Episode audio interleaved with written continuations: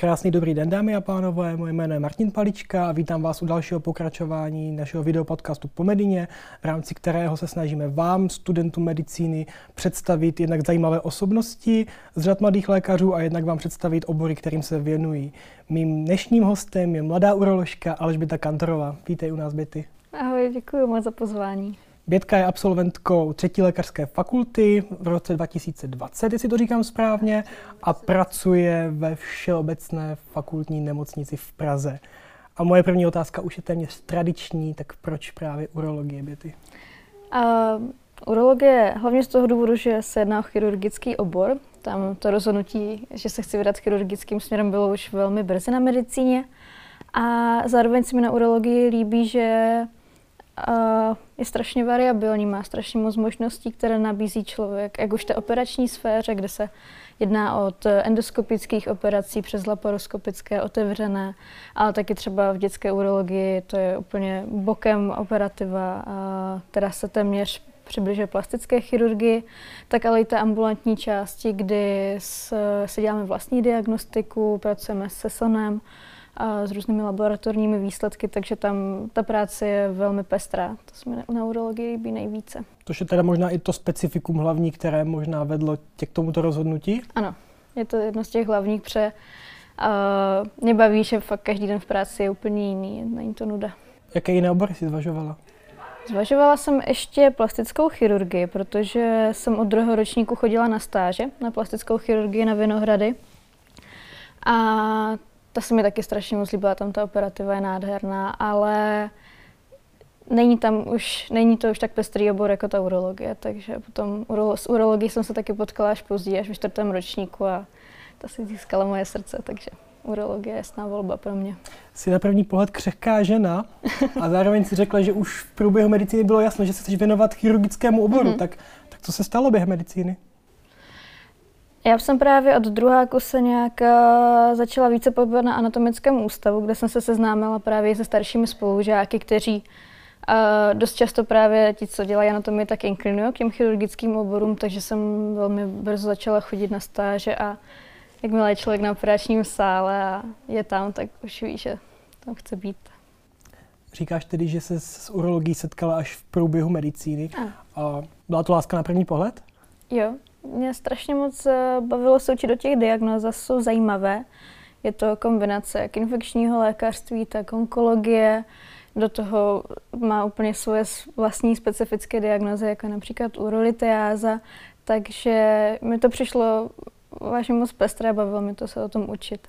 A navíc urologie je skvělá v tom, že máme těch pár svých orgánů, které samozřejmě ovlivňují celé tělo, ale je to víc úzce zaměřené, což Zbytek můžeš pustit z hlavy, když to tak čtu v svirtu teďka. Měl by to člověk mít samozřejmě na mysli, ale je to více zaměřené, to se mi na tom líbí hodně. A během studia se věnovala už více oborů, už během studia? Takhle. U, jako urologii? Jo. No, uh, u nás teda se urologie učí v rámci modulové výuky ve čtvrtém ročníku, takže toho čtvrtáku, kdy mě to strašně uh, bavilo, ta výuka, tak jsem potom, máme možnost různých dobrovolných stáží a tak, tak jsem vždycky volila stáž na urologickém pracovišti. Potom i v rámci praktického Erasmu v šestém ročníku jsem měla právě do Krakova na urologickou kliniku, takovou uh, vyhlášenou. Takže jo, snažila jsem se té urologii věnovat potom už více no, v těch vyšších ročnících. Když už se bavíme o tom období, kdy jsi ještě studovala, mm-hmm. tak já o tobě vím, že jsi byla velmi aktivní i mimo povinnou, řekněme, školní docházku. A tak čemu se ještě všemu věnovala během studia? Uh, tak během studia jsem uh, od třet, nebo během, začínala jsem během druhého, potom od třetího ročníku jsem uh, pomáhala na anatomickém ústavu jako demonstrátor, potom jako instruktor výuky. K tomu jsem byla dost aktivní v našem studentském spolku na třetí lékařské fakultě TRIMET, kde jsem se nejvíce zabývala organizací společenských a studijních akcí, těch společenských například reprezentační ples fakulty a z těch studijních jsem se vlastně celou dobu studia věnovala organizaci studentské vědecké uh, konference. Takže jsem byla v tom studentském spolku a pak jsem ještě naskytla příležitost podílet se sem tam na nějakých výzkumech, které mě moc bavily. Uh, jeden výzkum byl právě anatomický a potom jeden z oboru veřejného lékařství, takže ještě ta výzkumná část. Takže měl si toho málo, teda, jak, jak tě poslouchám. A zůstaňme ještě u té, u, u té aktivity v Trimedu. Mm-hmm. Ty jsi zmínila jako celkem velké akce, které, u kterých jsi stála. Jak taková mimoškolní činnost na medicíně může člověku pomoci do, mm-hmm. do dalšího života, bych tak řekl? Um, já si myslím, že medicína klinická je o týmové spolupráci. Člověk, teďka, když je každý vysoce specializovaný jenom na nějaké téma, tak člověk nemůže pracovat sám. Takže při organizování těchto akcí se podle mě člověk hodně naučí, jak komunikovat s ostatními lidmi. Navíc, eh, když člověk organizuje nějaké stresovější akce nebo před, eh, před každou akcí je člověk nervózní, tak se vytváří i přátelství mezi těmi spolužáky, takže jistě potom získat různé kontakty, jak mezi těmi spolužáky, tak ale potom eh, třeba konkrétně u té studentské vědecké konference jsme získali kontakty s plnou lékaři, a člověk potom měl možnost se dostat na různé stáže nebo na různé výzkumy právě díky těmto kontaktům. Takže to všem vřele doporučuji, aby byli členy nějakých eh, studentských spolků, protože si myslím, že to může nám obohatit. I si tím člověk trošku vyčistí hlavu od studia možná. To, to určitě, no. Já pocházím z Valašského Meziříčí a studovala jsem v Praze, kde jsem nikoho moc neznala, takže mi Trimed nabídl plno nových kamarádů, takže to byla skvělá, skvělá volba. Skvěle. Už jsi zmínila svoji stáž v, v Krakově. Mm-hmm. A já na tebe ještě vím, že se zúčastnila zahraniční mise do, do Afriky. Tak o co šlo? Jo. Uh, Nebo to mise. Byl... Byla to mise? Asi se to tak dá pojmenovat. Byla to měsíční humanitární mise do, uh, v Keni, v malé vesnici Itibo, kde je zdravotnické zařízení, které zaštiťuje uh, společnost ADRA. A měli jsme tam právě takovou možnost vyjet v menším týmu s uh, dvěma lékaři a potom s dalšími studenty pomáhat do té nemocnice. Člověk se tam uh, hodně naučil fyzikální vyšetření, protože v Africe, tady je člověk už trošku rozmazlený a zvyklý člověka poslat na CT vyšetření nebo na krevní odběry, tak tam člověk musel hodně rozvažovat, uh, jaká vyšetření zvolí a ne všechna byla dostupná. A s tou, s tou nemocnicí v té vesnici Itibon třetí lékařská fakulta navázala spolupráci, že právě Tady před covidem se byly plánované vždycky dva, dva výjezdy ročně, kdy právě studenti takhle mohli vyjet na stáž, ale co vím, tak oni spolupracují i s více fakultama, takže určitě doporučuji tady tyhle stáže. S jakými případy se setkala na, na misi v Keni? Na misi v Keni? Uh, co bylo zajímavé, tak úplně poprvé jsem tam viděla porod. A Akorát tam je to dost specifické v tom, že ve zdravotnickém zařízení tam lidé rodí, nebo ženy tam jdou rodit až ve chvíli, kdy to nezvládnou porodit doma, což drtivá většina těch případů, které, které, eh, těch porodů, které probíhaly, by byly asi v České republice indikovány k sekci. Takže to bylo hodně zajímavé. Potom jsme tam viděli infekční nemocní, které samozřejmě v Česku, v Česku nejsou. Člověk musel do té diferenciální diagnostiky někde zařadit do hlavy například tuberkulózu, nebo jsme viděli uh, syfilis třetího stádia, takže to bylo taky hodně zajímavé. Potom hodně traumat, se kterými se taky člověk nesetká, jako nejčastější traumata mačetou. Ale naopak, uh, co mě asi překvapilo, co jsem za stolik nečekala, tak tam bylo byli tam ti lidi v Africe, mají úplně stejné onemocnění, jako, nebo podobná onemocnění jako Češi, taky jsme tam měli pána s infarktem myokardu, taky jsme tam měli gastroenteritidy, takže samozřejmě uh, některé věci byly jiné, ale plno těch věcí bylo stejných, jako v Česku. Tak jo, děkuji. Pojďme teďka ještě k tomu, k tvému oboru, kterému ano. se věnuješ. Ty už si to na začátku zmínila, že ta šíře urologie je obrovská. Uh, přesto jenom, když bys výjmenovala, tak co mhm. všechno to teda obnáší? Jo, uh, tak já bych to teda rozdělila na ty dvě, tři hlavní části. Ta první velká, která je taková nejvíc atraktivní, tak je ta operační. A jak už jsem říkala, tam fakt těch možností je strašně moc. Uh, člověk dělá otevřené operace břicha, kdy třeba teďka minulý týden se u nás operoval obrovský tumor v retroperitonu, byla rozsáhlá břišní operace. Oproti tomu na dětské urologii, kdy se operují třeba reimplantace močovodu u malých dětí, tak to se fakt blíží až té plastické mikrochirurgii. Mezi tím je velké spektrum endoskopických výkonů, laparoskopických výkonů. Je to strašně moc. Robotických výkonů možná někde taky? Přesně tak, ta, uh, urologové mají vlastně největší procento roboticky asistovaných operací. Uh, u nás na našem pracovišti teda zatím ještě robot není, ale vypadá to nadějně, že bude. A, ale s, teda s robotickou operativou jsem se právě setkala už na stážích a je to zase posunutí někam dál. No. Takže uh, to je ta první velká část urologická, jsou ty operace. Pak druhá veliká část je nějaká ta, řekněme, ambulance, uh, kdy na tam je nejvíc baví, že mám kontakt s pacientem. Je tam uh, skvělé to, že člověk se právě dělá vlastní diagnostiku, to je sonografie, I během té ambulantní části je plno výkonů, kdy člověk uh, nevím, třeba uh, píchá epicystostomy, katetrizuje pacienta, takže není to rutina, že by člověk jenom seděl za počítačem.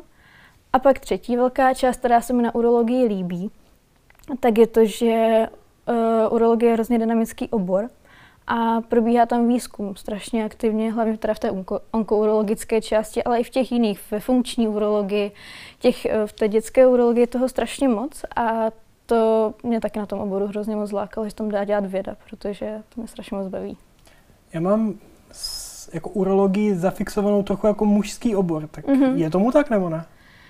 Uh, co se týče jako lékařů, že jsou uro, urologové muži, myslím si, že se to mění, a ano, všichni říkají, že jsou urologové a ginekologové, ale i ženy mají nádory močových cest, i ženy mají uroinfekce, takže bych řekla v ambulanci, že mám třeba dvě třetiny pacientů mužů, ale třetinu pacient žen. Takže a i co se týče lékařů, eh, tak eh, už máme plno lékařek, mám plno kolegyn šikovných, takže si myslím, že už se tady, eh, že už tam není dominantní jenom jedno, jedno to pohlaví, i když muži stále převažují, to je pravda u tebe se to úplně nabízí, urologie ve fakultní nebo v okresní nemocnici. Mm-hmm. Rozhodla se nějak mm-hmm. a proč? Uh, já jsem se rozhodla pro fakultní nemocnici já si myslím, že kdybych dělala jakýkoliv obor, tak asi spíš půjdu do té fakultní nemocnice. Možná protože... i té vědě, tak jak si říkala, Přesně tak. tak ta, ta fakultní nemocnice zase taky má nějaké tři, si řekněme, pilíře, že je to ta klinická část, která je zajímavá a baví mě, ale zároveň je tam ta možnost té, té vědy, ale taky výuka mediků a je už právě tím, jak jsem pomáhala na té anatomii, tak uh, jsem zjistila, že mě strašně moc baví kontakt se studenty, mám to ráda, takže i tam i na, u nás na klinice se částečně věnuji výuce studentů, takže i z toho důvodu jsem si volila fakultní pracoviště, protože já jsem teda na svoje studia vzpomínám strašně moc ráda a byla jsem vždycky vděčná uh, doktorům, které jsem potkala, že se nám věnovali, tak to chci teďka nějak trošku vrátit a věnovat se těm studentům medicíny, protože vím, že je to těžké, to studium a, a namotivovat ty studenty k tomu svému oboru uh, je můj takový hlavní cíl teďka. Přesto všechno, kdyby se na to měla podívat jakoby očima z některého svého budoucího kolegy, mm-hmm. tak jaké by byly ty největší benefity začít jako urolog na, na ob, ne na obvodu, ale na, na regiona, v regionální nemocnici okresního typu třeba? Jo. Uh, nemůžu se k tomu úplně plně vyjádřit, protože jsem takhle nezačínala a myslím si, že asi mnohem více uh, lékaři, kteří začínají na takhle menších pracovištích, tak jsou mnohem dříve samostatnější a asi se mnohem rychleji naučí těm běžnějším výkonům že uh, přece jenom u nás tím, jak je to vysoce specializované pracoviště, tak během té pracovní doby se setkám i s operacemi, které jsou vysoce specializované, takže ten čas prostě je, je tam uh, rozdrolený mezi mezi různé operace, takže neviděla jsem třeba tolik transvertrálních resekcí prostaty jako lékaři, kteří to dělají na obvodě a dělají to každý den. Takže si myslím, že asi v těch základech do těch základů se dostanou rychleji. Rozumím. Asi tuším odpověď na svoji další otázku, ale přesto všechno. Platové ohodnocení. Tabulka? Je to tabulka. Je, uh, jsem normálně uh, za, uh, jako státní zaměstnanec, takže mám tabulkové ohodnocení, máme tam příplatky za to, že pracujeme s rentgenovým zářením a já teda i sloužím, takže mám příplatky za to, že za pohotovostní služby a za to, že pracuji na jednotce intenzivní péče. A všem absolventům doporučuji, když už jsou rozhodnutí pro nějaký obor, tak ať se jdou zapsat co nejdříve do specializačního vzdělávání, protože tam předtím, než nastoupí do práce, když už jsou zapsaní do specializace, tak se právě automaticky dostanou do vyšší třídy, což je takové, že se to asi moc neříká, eh, nebo ne všichni to vědí, no, takže tam je dobré se hned po ukončení studia zapsat do specializace. Co bylo úplně nejtěžší na začátku po nástupu do praxe? Do eh, praxe, omlouvám se. Uh-huh. No, ono to je pořád těžké. Zvyknout se na brzké ranní vstávání. to je věc, se kterou budu bojovat asi dlouhodobě, přátelé, nejsem ranní ptáče, takže a, a české zdravotnictví je nastavené tak, že člověk chodí do práce na sedm, teďka ještě, když člověk je absolvent, tak uh, ty svoje vizity nestíhá psát uh, v čase jako ostatní kolegové, takže musí chodit dříve. Takže to byla taková věc, se kterou asi pořád nejvíc bojuju. Jinak u mě ta situace byla dost specifická, protože jsem nastupovala v době té druhé velké vlny covidu. Takže tam hodně těch věcí, které dělají urologové, těch specializovaných, byly odsunuto na druhou kolej. Dělala se jenom ta akutní a onkologická péče. Takže učit se ty základy bylo asi náročnější v tom, že plno těch věcí se prostě v tu dobu nedělalo. A učím se vlastně až teďka postupně, až teďka třeba potom, i, i potom, co jsem na pracovišti více než rok, tak plno výkonu vidím poprvé. Což by asi během před covidem, nebo nevím, jak to nazvat, když v tom, takové výjimečné situaci bylo jinak. No. Jasně. A když to otočím na druhou stranu mm-hmm. a zamyslíš se nad tím, kdyby se zvrátila do dob studií, mm-hmm. tak existuje něco, co bys třeba chtěla vědět jako, jako lékař, nebo jako mm-hmm. student, co tě čeká a nevěděla si to? Úplně asi ne, jako jestli mě něco, co mě čeká nebo nečeká, ale co si myslím, že je škoda, že na to nebyl kladený příliš velký důraz na fakultě, tak je um, umění číst uh, odborné články a orientovat se v odborných článcích, protože Takže medicína... nějaké statistické třeba... No, ta, ta metodologie, statistika, uh-huh. metodologie, i když teda od, od svých mladších nebo od spolužáků, kteří ještě studují teďka na fakultě, vím, že se to lepší, ta výuka. Uh, minimálně teda na třetí lékařské fakultě, kde, kde, kde jsem s uh, kamarády stále v kontaktu.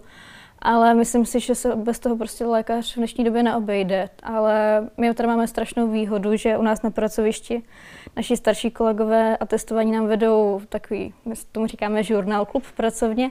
A jednou za měsíc vždycky sejdeme a máme nějaké dané téma. A garant toho tématu a testovaný lékař nám vybere články k tomu odborné, které potom si musíme přečíst a potom rozebíráme jak ten článek, tak potom i jak třeba byla postavená ta studie v tom článku, že nás učí trošičku kriticky se na ty články pohlížet, že nekoukat jenom na ta data, na to, co, jak to vyšlo, ale jak ta studie byla postavená, kdo to financoval a takhle. Takže to si myslím, že ještě takové, že se na těch fakultách uh, ne, nedává s tomu asi takový důraz, jaký by měl, protože v dnešní době si myslím, že ty informace už nezískáváme z učebnic, protože když ta knížka, než ji někdo napíše a vytiskne, tak ty informace už nejsou aktuální, ale jsou to právě ty články, ze kterých by lékař měl získávat informace. Do jaké míry je urologie konkurenčním prostředím? Myslím si, že každý chirurgický obor je konkurenčním prostředím a urologie jistě není výjimkou, protože je to z podstaty, je to jednoduché, každý by chtěl být nejradši na sále od rána do večera a dělat ty nejzajímavější výkony, ale to nejde. Uh, přijde mi, že za tu, během toho, co jsem zažila na fakultě, tak ta urologie je konkurenční, ale určitě existují i mnohem kompetitivnější obory. Například? Například neurochirurgie mi přišla dost kompetitivním oborem, ale je to i tím, kolik je potřeba těch lékařů, na kolik je specializovaná ta práce. Těch oborů bych asi našla víc, ale uh, je konkurenční, ale zase si na druhou stranu myslím, že nějaká míra uh, konkurence je zdravá, před člověka to motivuje, posouvá ho to dál, takže a třeba konkrétně já se nepřijdu nějak jako znevýhodněná, eh, nebo ne, nepocituju nějakou silnou konkurenci mě na pracovišti, aby mě to nějak znevýhodňovalo, nebo něco takového. Tak to, to je dobře. Ano. A kdybys měla říct tři nejdůležitější vlastnosti, které lékař by měl mít, tak co by to bylo? Uh-huh. Tak určitě empatie. To je jako porozumět tomu pacientovi a nějak s ním soucítit s jeho stavem, protože přece jenom za náma primárně bohužel chodí lidi, kteří jsou nějak nemocní. A potom určitě strašně důležitá vlastnost lékaře, kterou se třeba osobně teprve ještě učím, ale myslím si, že je velmi podstatná, aby lékař uměl pacientovi vysvětlit vlastně jeho diagnózu, protože my tomu nějak rozumíme, známe tu patofyziologii a všechno, ale mm, tomu pacientovi musíme přistupovat jako k lékovi, takže vysvětlit mu to tak, aby to pochopil a vysvětlit mu i možnosti léčby tak, aby je pochopil. A potom i eventuálně toho pacienta umět navést na to, co my si myslíme, že je nejlepší a provést to tou cestou, což mnohdy nebývá jednoduché. No. Třetí? Ještě třetí. Uh, tak určitě by lékař měl být zvídavý a měl by se neustále vzdělávat ve svém oboru, aby své pacienty léčil podle aktuálních guidelines a vždycky jim jako věděl, že jim nabízí tu nej, nejlepší možnou léčbu. Bětka za deset let, jak bude vypadat? no, to nevím. uh, profesně uh, bych... Tak jsem to myslel samozřejmě. jo, uh, profesně bych se ráda věnovala určitě klinick, klinické praxi. Zároveň mě baví teda kontakt s tím, se studenty medicíny, takže nějak výuka studentů, podílet se i na nějak specializačním vzdělávání urologů. Zároveň konkrétně v urologii je možné se dělat tak říká se tomu Evropská atestace z urologie. Je to zkouška, kterou vždycky vypisuje každý rok a organizuje Evropská asociace urologů, takže to bych ráda absolvovala v tu dobu, nebo už měla absolvovanou za 10 let a já ještě od podzimu jsem se přihlásila do postgraduálního studia, které teďka probíhá, takže doufám, že za 10 let už budu mít uh, uh, hotové PhD. To zní skvěle. A co urologie a osobní nebo rodinný život? Dá se mm-hmm. to mhm. zvládnout? Určitě jo. Určitě jo. U nás na pracovišti se dodržuje zákonník práce, takže chodíme po službách normálně domů a toho volného času je dost. Je to jenom o tom, jak se to člověk zorganizuje, ale nebála bych se toho vůbec. Jak vypadá tvůj normální den v práci? Můj normální den v práci uh, začíná tak, že asi čtyřikrát vypnu budík, který se nastavím. Uh, potom nestíhám. Uh, jdu na oddělení, kde dělám ráno vizitu. Obejdu se své pacienty na oddělení, poté jdeme na hlášení, kde kromě běžného provozu máme vždycky i radiologickou vizitu a jednou týdně máme i onkourologickou vizitu, kde se sejdeme společně s urologi, onkologi, radiačními onkologi a radiologi, kde probíráme nějaké komplikovanější uh, případy.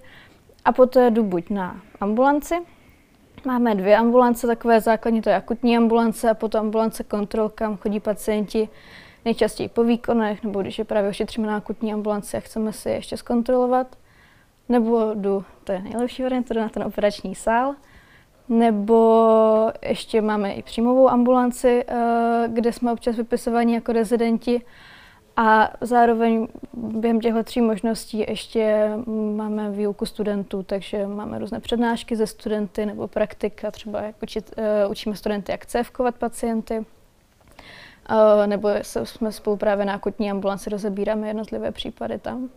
Takže takový asi běžný den. Mhm, děkuji. U čeho odpočíváš? Co máš ráda ve volném čase? Uh, já úplně nejraději cestuju. No, miluji cestování, poznávání jiných kultur a ochutnávání místních uh, specialit. Taky ráda tancuji, i když teďka během práce už jenom na rekreační úrovni. A taky jsem asi hodně společenský člověk. Já strašně moc ráda chodím do divadla, na koncerty, do kina a trávím volný čas s přáteli. To jsou takové moje hlavní odpočinkové aktivity. Kdybys mohla za svůj obor zalobovat mm-hmm. v jedné nebo dvou krátkých větách, máš prostor teďka? Dobře. Myslím tím směrem mm-hmm. ke studentům. Určitě. Uh, myslím si, že urologie je skvělý obor pro člověka, který chce dělat chirurgii. Uh, myslím si, že urologie má skvěle postavené specializační vzdělávání a máte eventuálně, mají studenti eventuálně možnost, eh, když se jim nelíbí práce v nemocnici, jít potom po atestaci do vlastní ambulance, tak kde si člověk může být vlastním pánem. Takže je to velmi spek- eh, široký obor a věřím, že se tam každý může vybrat to, co ho bude zrovna bavit. Takže doporučuji urologie, skvělá. Super. Oba dva jsme byli studenty medicíny a tak trochu jsme asi vzhlíželi k těm, kteří už to před náma zvládli a, a a tak. Kdybys mohla nějaké poselství vyslat vůči těm studentům, kteří třeba váhají nad tím, mm-hmm. jestli to mhm. vůbec zvládnou dostudovat, tak, tak co by to bylo?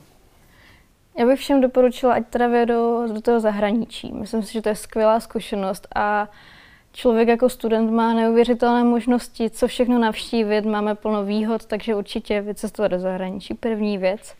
Druhá, jakmile člověk už se začne třeba v těch, nevím, čtvrták, páťák, šesták klidně rozhodovat, uh, jaký chce udělat obor. Myslím si, že úplně nejlepší, co je, jít třeba i na nějakou krátkodobou stáž na, a navštívit různá pracoviště z toho oboru. Já jsem to takhle sama udělala v šestáku, jsem chodila na stáže na různá pracoviště v republice, aby se člověk zaprvé ujistil, že ten obor chce dělat a pak i prakticky by trošičku viděl, jaké tam je nějaké uh, prostředí, kolektiv, takže určitě chodit na ty stáže. A všechny informace, které člověk potřebuje k medicíně, nejsou jenom v knížkách, takže určitě jenom neležet v knihách, ale seznamovat se se svými spolužáky i napříč ročníky, to si myslím, že je strašně důležité, protože eh, starší spolužáci vám taky pomůžou ve výběru a v rozhodování se, takže určitě nesedět jenom doma v knížkách, ale bavit se se svými spolužáky a navázat kontakty. Dámy a pánové, vážení kolegové a kolegyně, to byla Bětka Kantorová, mladá uroložka a doufáme, že vám že vás zaujala svým přístupem a svým povídáním o urologii. Pokud máte nějaké otázky, tak neváhejte je napsat, Bětka je určitě ráda zodpoví a těšíme se na vás při dalších dílech našeho videopodcastu. Hezký den.